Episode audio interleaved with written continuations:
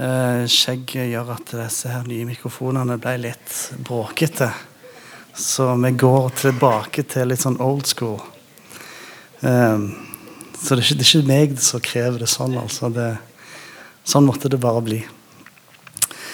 Uh, som annonsert så har jeg fått et uh, tema i dag for uh, talen fra Forkynnerne 3, som vi hørte om her. Mer spesifikt 2, vers 2, slutten av den.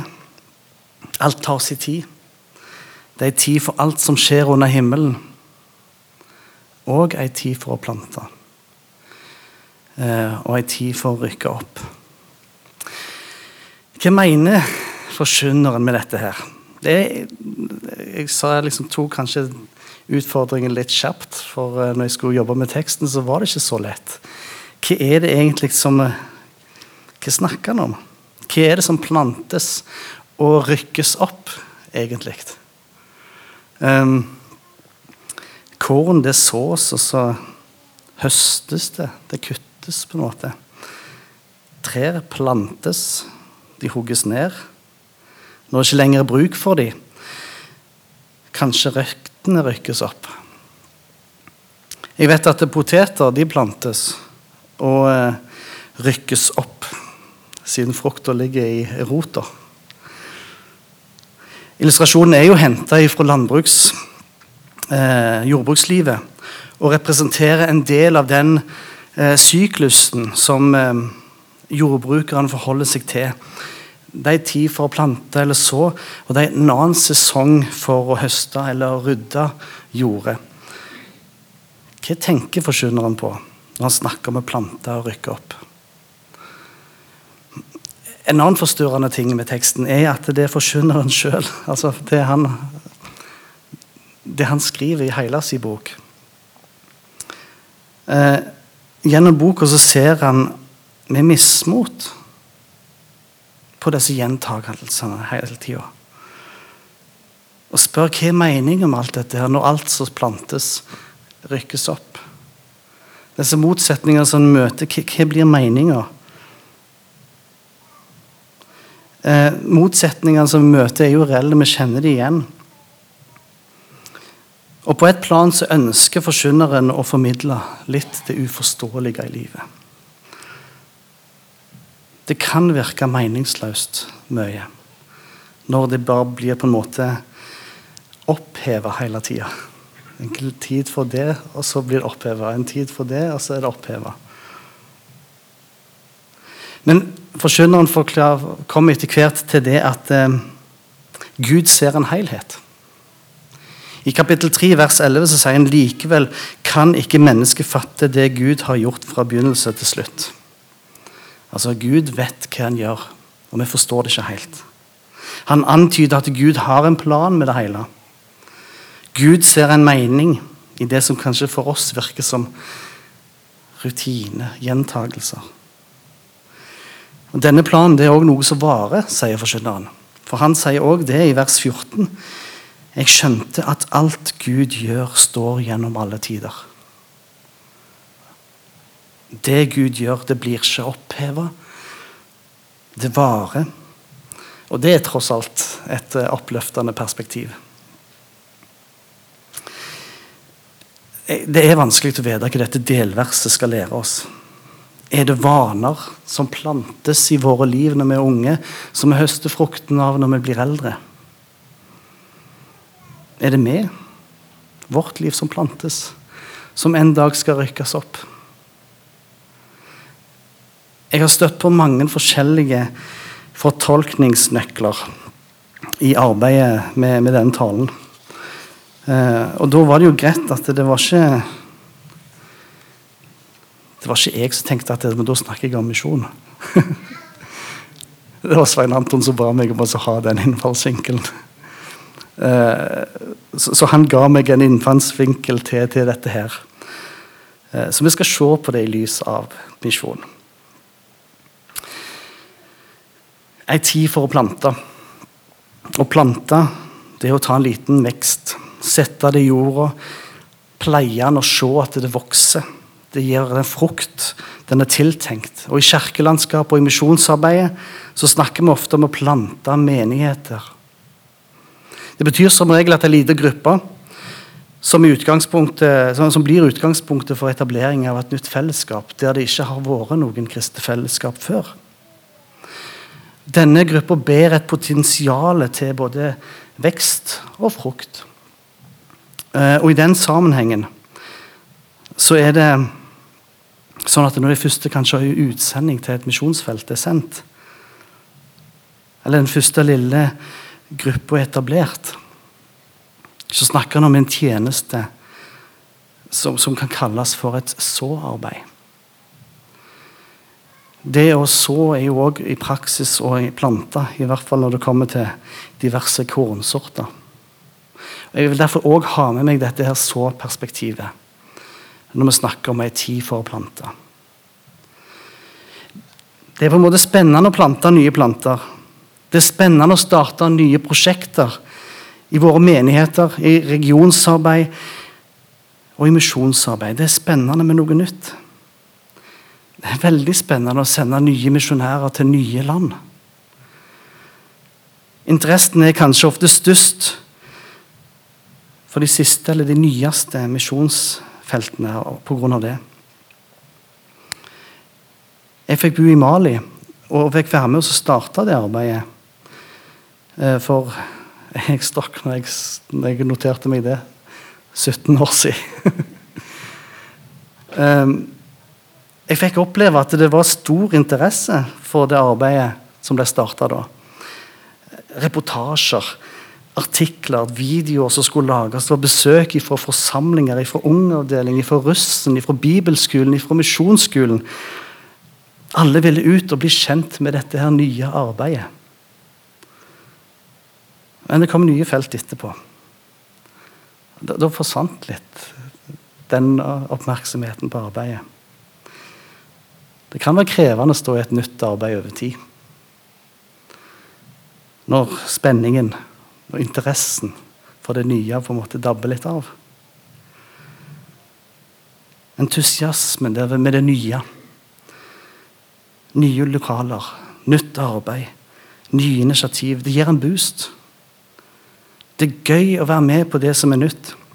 Selv om det er tungt arbeid, og, og mange sondering, sonderinger og vurderinger som blir gjort i den prosessen. Og det er mye som skal gjort, bli gjort før en planter noe nytt. Så er det en sånn optimisme i det, det arbeidet. En gleder seg og har en tro på en visjon om vekst. En dag så vil vi kanskje se fruktene av dette såarbeidet. Jeg har lyst til å dele noen perspektiv med såarbeid som vi møter i Bibelen. Denne her plantesesongen. Første er jo det, det, det, som kanskje først kommer til tankene, det er såmannen. Såmannen. Jesus forteller den lignelsen om han som går ut på jordet og sår. Og, og så forklarer han lignelsen og sier at han sprer Guds ord. Og Så treffer det forskjellige jordsmonn. Og de kjenner han ikke helt. Han bare sår. Han deler Guds ord og erfarer at det er noe frø de havner i god jord, og frø blir planta og har et potensial for vekst. Og Det er det en gleder seg over. Når vi da er ute og sår på den måten, så kan det koste når en møter forskjellige avvisende jordsmonn. De det bare preller av på. De det sitter litt i, men forsvinner. Det kan være tøft når en møter det når vi er ute og sår. Men så er det en spenning og jeg tror på at noe vil falle i god jord. Så man utfordrer oss til å våge å dele Guds ord. Selv om vi ikke kjenner jordsmonnet. På fredag, så, for to dager siden, så eh, besøkte jeg ei krikkgruppe av unge menn mellom 14 og jeg tror de var opp mot 30 år.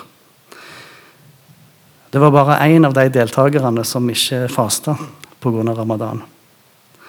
Jeg holdt en andakt for dem, fortalte om Guds hellighet og vårt behov for tilgivelse, for å ha samfunn med Han. Så fikk jeg be for dem. Og så noe de takka for, med applaus etterpå. De takket for andakten. Um, noen fikk kanskje noe å tenke på. Andre husker sikkert ingenting. Men, For jeg kjenner ikke jordsmonnet i den gruppa. Men tenk hvis noe Tenk så fantastisk det hadde vært hvis det var ett av de frøene som traff god jord. Og fikk lov til å treffe et hjerte som var klar for å ta imot. Jeg vil oppfordre til bare å våge å prøve. Litt mer ekstremt eh, møte med se forkynneren litt seinere ute her. Vi oppfordres egentlig til å være kreative og offensive i å dele Guds ord i sårarbeidet. Kast ditt brød på vannet, sier forkynneren i kapittel 11. Eh, det er en form for eh, såarbeid som oppfordrer til helt tilfeldig, usannsynlig og kanskje til og med sløsende planting. Um, hvor en virkelig satser på kreative tiltak, for å si det sånn. Tenk om vi vågte å bruke våre ressurser òg litt sånn så tankeløst. Fordi ordet må ut. I misjonsarbeid så snakker vi ofte om at vi trenger alle mulige kanaler for å så Guds ord. Vi trenger både radio, traktater, kurs, aktiviteter, hjemmebesøk, åpne hjem, arrangementer i forsamlingslokaler, aktiviteter i lokalsamfunnet, både forkynnelse og et diakonalt arbeid. Vi trenger alt dette her. Og ingen form trenger nødvendigvis reindyrkes, for vi trenger en helhet. Vi trenger en rik variasjon i sårarbeid, og kanskje litt voldsom vågelighet og kreativitet. En eldre mann som jeg har truffet på stasjon 316 i Sandnes, han sa det til meg en gang at Gud han har individuelle veier til hvert enkelt menneske. Selv om det går bare én vei til Gud, gjennom Jesus. Og Det er noe i det. Altså Det er de individuelle veiene til hvert av alle våre liv. For å treffe den, for å treffe den enkelte, så trenger vi en sånn rik variasjon. Kanskje litt sånn 'kast ditt brød på vannet'. I forslaget til ny strategi i Misjonssambandet så blir vi oppfordra til, til, kreativ eh, formidling. Så, så, vi kan bare begynne å tenke. Vi kan bare begynne å komme med forslag til kreative, utadretta tiltak. Eh, våge å kaste brødet på vannet. Og så har vi sterke løfter knytta til såarbeidet. Og planting av menigheter. Guds ord vender ikke tomt tilbake, sier Jesajas i kapittel 55, vers 10. Der sier han for lik regn og snø som faller fra himmelen og ikke vender tilbake dit før det har vannet jorden, gjort den fruktbar og fått den til å spire, så, så gitt såkorn til den som skal så, og brød til den som skal spise. Slik er mitt ord, som går ut av min munn. Den vender ikke tomt tilbake til meg, men gjør det jeg vil, og fullfører det jeg sender det til. For et løfte! Det vender ikke tomt tilbake. Guds ord har en hensikt. Det er ikke alltid vi føler sånn. Det tror jeg kanskje skyldes at vi forventer en sånn en, eh, altså På engelsk sier de 'instant effect'. Altså en sånn At det skjer med en gang. Og det er jo det etter regn gjør. Altså regn Når det treffer bakken, så gjør det gjerningen sin med en gang bakken blir blaut. Derfor syns jeg det er interessant at profeten ikke bare snakker om vann, men at han snakker om snø òg. Og, og, det elsker jeg. Som vann eller som regn og snø, sa han. Eh, jeg liker dette snakket snakke om snø. Eller egentlig Jeg er ikke så veldig glad i snø, da. Jeg er jo sånn skada, kulturskada misjonærbarn, så jeg ikke har opp, vokst opp i det. Men eh, i dette perspektivet, i denne sammenhengen, så syns jeg snø er fantastisk. Da er jeg glad i snø, for snø er jo vann som er satt på vent. Det blir liksom Det venter til at sola skal komme, til det skal bli varmt nok, til snøen skal bli til vann og gjøre det det er sendt for å gjøre. Eh, på samme måten tror jeg veldig mye av vårt såarbeid er. At vi legger på en måte centimeter kanskje med snø over våre barn, over våre venner, i vårt nærmiljø, på misjonsfeltet. Jeg tenkte ofte det når jeg gikk i, i Mali i 45 grader, at det snør. Det var litt gøy. Eh, her legges det noen centimeter med snø over befolkningen. Jeg ser ikke noen frukter av det ennå. Men en dag så kommer sola. Og det løftet om at Guds ord ikke vender tomt tilbake igjen. Det gir meg håp. Det kan ta litt tid, men vi sår. Men det kan koste. Selv om mye av sårarbeid kan assosieres med glede og forventning, så er ikke det alltid heller tilfellet. Ikke alt sårarbeid skjer med entusiasme og glede. Det kan koste. Misjons- og kirkehistorien er full av eksempler på den pris det har hatt for eh, utsendinger, pastorer, familier, konvertitter. Krig, sykdom, trusler, konflikt, drap har fulgt kirkeplanting i et historisk perspektiv. Og Tertulian, eh, som bodde på, i Kartago på 300-tallet, han opplevde en stor romersk forfølgelse av de kristne der. Men konstaterte at forfølgelsen skapte vekst. Og da sa han Kirkens sæd er martyrens blod. Eller han sa det andre veien. Martyrens blod er kirkens sæd. Å vitne, det koster. Og det er kanskje derfor ikke helt tilfeldig at at en kjenner det greske ordet for å vitne som noe egentlig noe annet. Altså For på gresk så kaller en det å vitne for martyr. Å vitne har kosta i historien. Vi har fått ordet martyr, som gir andre assosiasjoner for oss i dag. Det koster.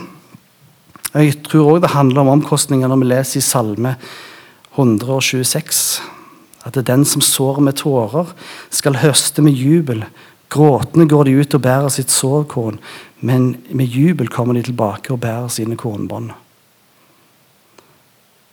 Men så har jeg lært et annet aspekt med dette verset etter noen år i Vest-Afrika. For når det nærmer seg regntid, da begynner kornlageret det begynner å bli tomt. Det er løse, løse sekker med korn i, i matkammeret og begynner kanskje å skimte bånden på, på, sekken. I hvert fall når regntida begynner å drøye. Og så er nesten med rumling i magen at en ser på kornet som er satt til side som såkorn. Det som en skal så for å få mer mat så trenger en det kanskje En trenger det kanskje nå, men jeg må så det kornet i jorda. I håp om en høst. En, en innhøsting om tre måneder. I den situasjonen så vil du gå med mageknip og, og sult. Og så maten din med gråt. I håp om å få høste med glede. Jeg vet at jeg har nevnt det her, før her i misjonssalen, men jeg tror disiplene opplevde litt av det samme når de fikk utdelt De skulle mette 5000, så fikk de ei halv bolle hver og en, en sjettedels fisk. Kanskje ikke nok til deg engang. Og så skulle de dele det. Ok, De kunne dele det med én. Og én til. Og én til, og så ble det nok. Men det var egentlig så lite. Klarer vi å drive et utredet arbeid? Vi har så lite. Det, ja, det betyr det så mye. Vi har ikke nok enn det vi trenger sjøl. Har vi ressurser til det? Det vi har, trenger vi sjøl. Våger vi å gå ut av den komfortsonen og at, at en sikrer seg sjøl? Våger en å gå og investere med høy risiko? Det en egentlig kanskje skulle hatt i magen sin, så det. Ser en på Misjonssambandets historie i Kina, så ser en disse elementene. Det var med stor omkostning at misjonærene reiste og etablerte arbeid i Kina. Det var med høy risiko at de slo seg ned i landsbyene på den tid. UD var langt vekke og ikke tilgjengelig i det hele tatt. Reiser var, reiser var krevende, det tok måneder istedenfor timer. Kontakten med Norge var sjelden og sporadisk. Meldingene vandra seint fra misjonsfeltet og til ledelsen i Norge. Arbeidet var tungt og tidkrevende, og så arbeidet kosta. Vi har hørt om barnegraver, altså misjonærbarn som døde der. Vi har hørt om røvere. Og vi hører etter hvert om dramatiske krigslignende situasjoner i landet, som gjør at misjonærene som hadde vært der i 50 år, måtte ut av landet. Ei tid for å plante, ei tid for å rykke opp. Vi hørte mindre og mindre fra Kina, og i begynnelsen av 70-tallet så regna han med at det, er ikke lenger var noen kristne i Kina. Og så kommer meldingene. Litt etter litt. Jo, det fins. Ja, det fins en del. Det fins mange. Det er en vekkelse. Det er mer kristne i Kina enn det var på det tidspunktet misjonærene var i landet. Det var en innhøstingstid.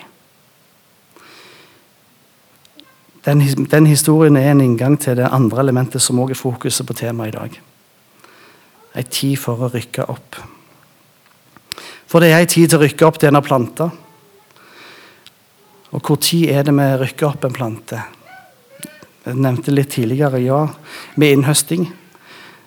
Eller når en ønsker å bruke jorda til et annet forhold, eller hvis planten dør. De siste to aspektene dreier seg kanskje mer om omprioritering og omdisponering. Og Det kan være nødvendig i et arbeid og i, et, i eget liv å, ha en evaluering hvor en snur hver stein. Et opprør med seg sjøl og arbeidet der eh, en har satt det under lupen. For å omprioritere og endre fokus. Det kan òg være en smertelig prosess i et misjonsarbeid. Når en blir ser seg nødt til å rykke opp arbeidet for å omprioritere. Men jeg ønsker å fokusere på innhøstingen i dag. Det er kanskje den mest relevante tolkningen av bildet om å rykke opp. Når vi står i et evangeliserende arbeid eller i et misjonsarbeid, når kan en si at det nå er tida inne for en innhøsting? Det er et vanskelig spørsmål. Når skal vi så, og når skal vi høste? Er det en logisk rekkefølge på dette i Guds åkerland? Jesus tok med seg disiplene til Samaria. De gikk gjennom der. og Disiplene de hadde vært inne i Sykar for å hente, skaffe mat. Mens Jesus hadde en livsforvandlende samtale med ei kvinne med en brønn utenfor Sykar. Når disiplene kommer til Jesus, syns de det er rart at han snakker med henne. Men de sier det ikke. Men det de ser, det er at eh, den kvinnen lar krukka si stå igjen med brønnen, og så går hun inn i byen. Jesus og disiplene snakker først litt egentlig rundt hverandre. Men så sier Jesus noe som er, litt, som er relevant for eh, temaet i dag. Jeg kan lese fra Johannes kapittel 4 vers 35-38 der. Da sier Jesus, dere sier, ennå er det fire måneder til innhøsting. Men jeg sier dere, løft blikket og se på markene. De står alt hvite mot høst. Den som høster, får sin lønn og samler inn grøde for det evige liv, slik at den som sår og den som høster, kan glede seg sammen. Her er dette ordet sant. Én sår og en annen høster. Jeg har sendt dere ut for å høste det dere ikke har hatt noe arbeid med. Andre har arbeidet, og dere har gått inn i det arbeidet de har gjort. Når var det tid for innhøsting? Nå, sa Jesus. Jesus ba de lufte blikket og se på markene. Da han gjorde det, så ser jeg for meg at eh, de så på jorder som ennå ikke var forberedt for et såarbeid. Kanskje noen av jordene var pløyd opp. Kanskje noen av jordene hadde fått noe såkorn i seg. Det, det, vet jeg ikke. Jeg er ikke, jeg er ikke ekspert på dette her. Men det jordbruket jeg ble kjent med i Mali, der sa de at det tok tre til fire måneder ifra du sådde til du høsta. Så når Jesus sier at dere sier det fire måneder til, så kan det være det var ingenting som var gjort. Det så ikke ut som en innhøsting. Samtidig så ser jeg for meg at når de da lufta blikket og så utover disse, disse jordene, så skimta de en by der. De skimta Syker. En by i Samaria med en samaritansk befolkning. Et vantro folk som fordreide skriftene og lovene i Det gamle testamentet. Et mislikt folk. Og mens Jesus snakker, og de ser på jordene og, og Syker, så ser de at det kommer noen folk ut fra byen. De kommer mot dem. Kanskje det var skummelt. Skal de jage oss vekk fra denne her brønnen nå? Blir det trøbbel i vente? Men de erfarer noe utrolig. For de som kommer ut, de samaritanerne som møter Jesus, de kommer til tro. De ber de om å få bli, om å bli der. Og så bekjenner de at Jesus er verdens frelser. For en bekjennelse. De bekjenner at de har møtt den universelle Messias, ikke bare for Israel, men verdens frelser, sier de. Disiplene de erfarer at høsten faktisk var moden. Selv om det absolutt ikke så sånn ut i utgangspunktet. De hadde aldri trodd på en sånn vekkelse i Syker. Men det var tilfellet. De så bare ei upløyd mark som trengte såkorn, mens opplevde de innhøsting. Hvem hadde vært der før og sådd, sånn at de kunne oppleve denne innhøstingen? De hadde kanskje lest Skriftene. Men Jesus hadde også møtt denne kvinna, som gjennom sitt vitnesbyrd brakte samaritanerne til Jesus, så de kunne se sjøl. Og Så sender Jesus deg, de første disiplene, apostlene, de første misjonærene, sender de ut for å høste. De ble ikke sendt ut for en tid til å så og så plante, men de ble sendt også ut for å høste. Det er egentlig litt rart, for det er ikke den normale, logiske, kronologiske rekkefølgen i et, et sånt arbeid. Hvem sto for dette så-arbeidet som de første disiplene skulle høste frukten av? Jeg har bare et forsøk på svaret, og det må være Jesus med Den hellige ånd. Gjennom vitnesbyrden til enkeltpersoner som spredte ryktet om den gode nyheten. Som sådde en nysgjerrighet. Og så kunne apostlene og disiplene komme og forklare, lære og undervise og høste inn. Og begynne sin tjeneste med innhøsting. Jeg tror at vi ofte utsetter innhøstingen. Jeg tror ikke vi er så flinke til å høste inn. Det kan være en litt hard påstand. Men jeg tror kanskje at det er flere som kjenner som meg, at det er nesten lettere på en måte å dele Guds ord enn å utfordre noen til å ta et valg eller til å ta imot. Det er kanskje lettere å så enn å høste inn. Vi taler på våre talerstoler. Vi sår bredt og hvitt. Noe havner i sånn jord, og noe i en annen jord. Vi kommer i kontakt med mange mennesker gjennom barnehager, skoler, gjenbruksbutikker, radio, leirer, et bredt barne- og ungdomsarbeid. Vi har, vi har mange arenaer der vi kan få så Guds ord. Vi er kanskje flinke til å kaste ut garnet. Men tør vi dra det inn? Tør vi å oppfordre mennesket til å ta imot frelsen? Liker vi å holde oss til et så-arbeid? For det er tross alt litt mer komfortabelt å stå bak en talerstol. Dette gnager litt i meg. Og jeg har ofte følt at jeg ikke var frimodig nok til å utfordre mine venner i Mali til å ta imot frelsen. Jeg var kanskje mer opptatt av å så enn å høste. Etter hvert så er jeg litt redd for at jeg er blitt litt mer forsiktig i å så Guds ord òg. Jeg kunne ønske jeg var tøffere. Jeg kunne ønske at vi som organisasjon òg var tøffere til å invitere til å ta imot frelsen. Det er tid for å plante. Det er tid for å rykke opp. Gud kjenner disse tidene. Det gjør ikke jeg. Derfor tror jeg at vi skal både så og høste parallelt. Og Dette er ikke noe en lærer på landbruksskolen eller på Øksnevad. Men jeg tror det er sånn i Guds åkerlandskap.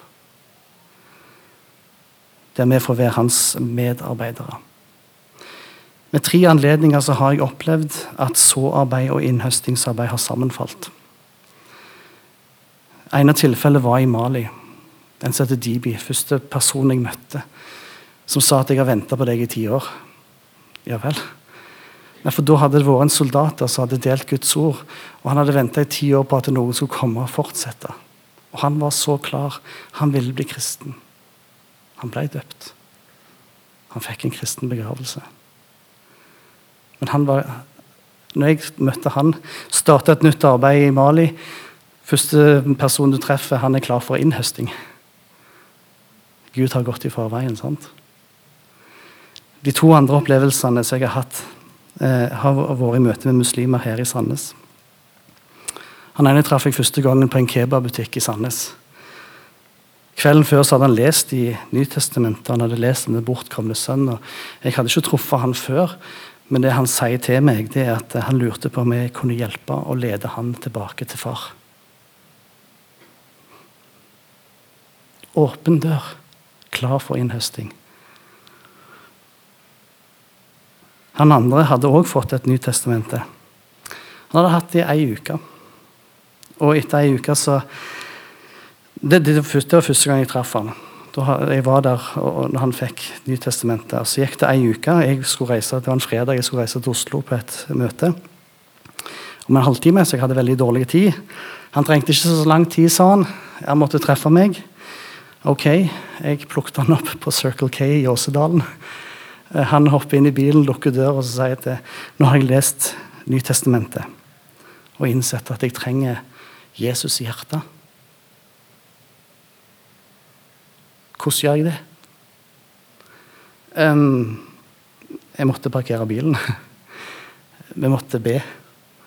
Um, han fikk en fred i hjertet han ikke hadde kjent før.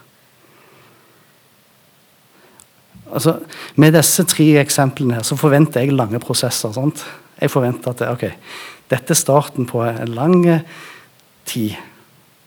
Og, og det er uvanlig at det går så fort, men av og til så sammenfaller såarbeid og innhøstingsarbeidet på en sånn måte. For de var modne for innhøsting. For innhøstingen var nå.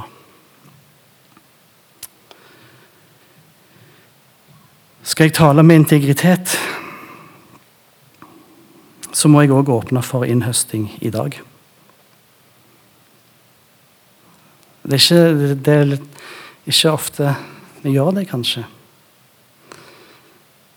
Men jeg tenker at eh, det er på sin plass òg i dag. å invitere deg til å ta imot Jesus som din frelser i, ditt liv. Du har kanskje hørt en del ifra Guds ord. Kanskje dette har skapt ei spire til tro. Kanskje du som Thomas, som vi møter i Bibelen, sliter med tvil, sjøl om du er en del av fellesskapet. Kanskje at du kjenner at du må ta et valg, en beslutning. Jesus står med åpne armer for å ta deg imot. Han er virkelig verdens frelser. Så om du ønsker at noen skal gå i sammen med deg til Jesus, så vil jeg gjerne det. Snakk med meg eller noen andre i forsamlingen her som du har tillit til etter møtet. Du trenger ikke drøye. Og om du ønsker å bekjenne din tro i forsamlingen, så vil det òg bli anledning til det med vitnesbyrd etter nattværen. Skal vi be. Kjære far. Takk for ditt ord, som kan bli sådd i våre liv. Som kan gi vekst. Som kan skape tro. Takk for at vi har fått dette så å gå videre med. Takk for at vi som fellesskap kan være med å plante nye fellesskap. Jeg ber om at du gir oss mot og utholdenhet i dette arbeidet. At du gir oss kreativitet til å nå ut på alle mulige vis. Og så ber jeg deg om å gi oss frimodighet til å høste. Vi vil kanskje utsette høstingen, innhøstingen. Men kan, det kan være at høsten er moden, og at vi kan gå ut og utfordre til å ta imot din frelse. At det er mennesker som du har forberedt på forhånd. Jeg ber deg om at vi får møte dem. Og at vi er modige til å kalle mennesker til deg. Og så er du her i dag, og du vil kalle hver enkelt av oss. Og jeg ber Jesus om at eh, om noen kjenner at dette trenger jeg å få, få gjort for, få en fred At jeg trenger å få be om å få komme til Jesus igjen, eller for første gang, eller Jeg trenger Jesus så ber jeg om at, eh, at de får dette møtet med deg i dag. Det ber vi om i Jesu navn. Amen.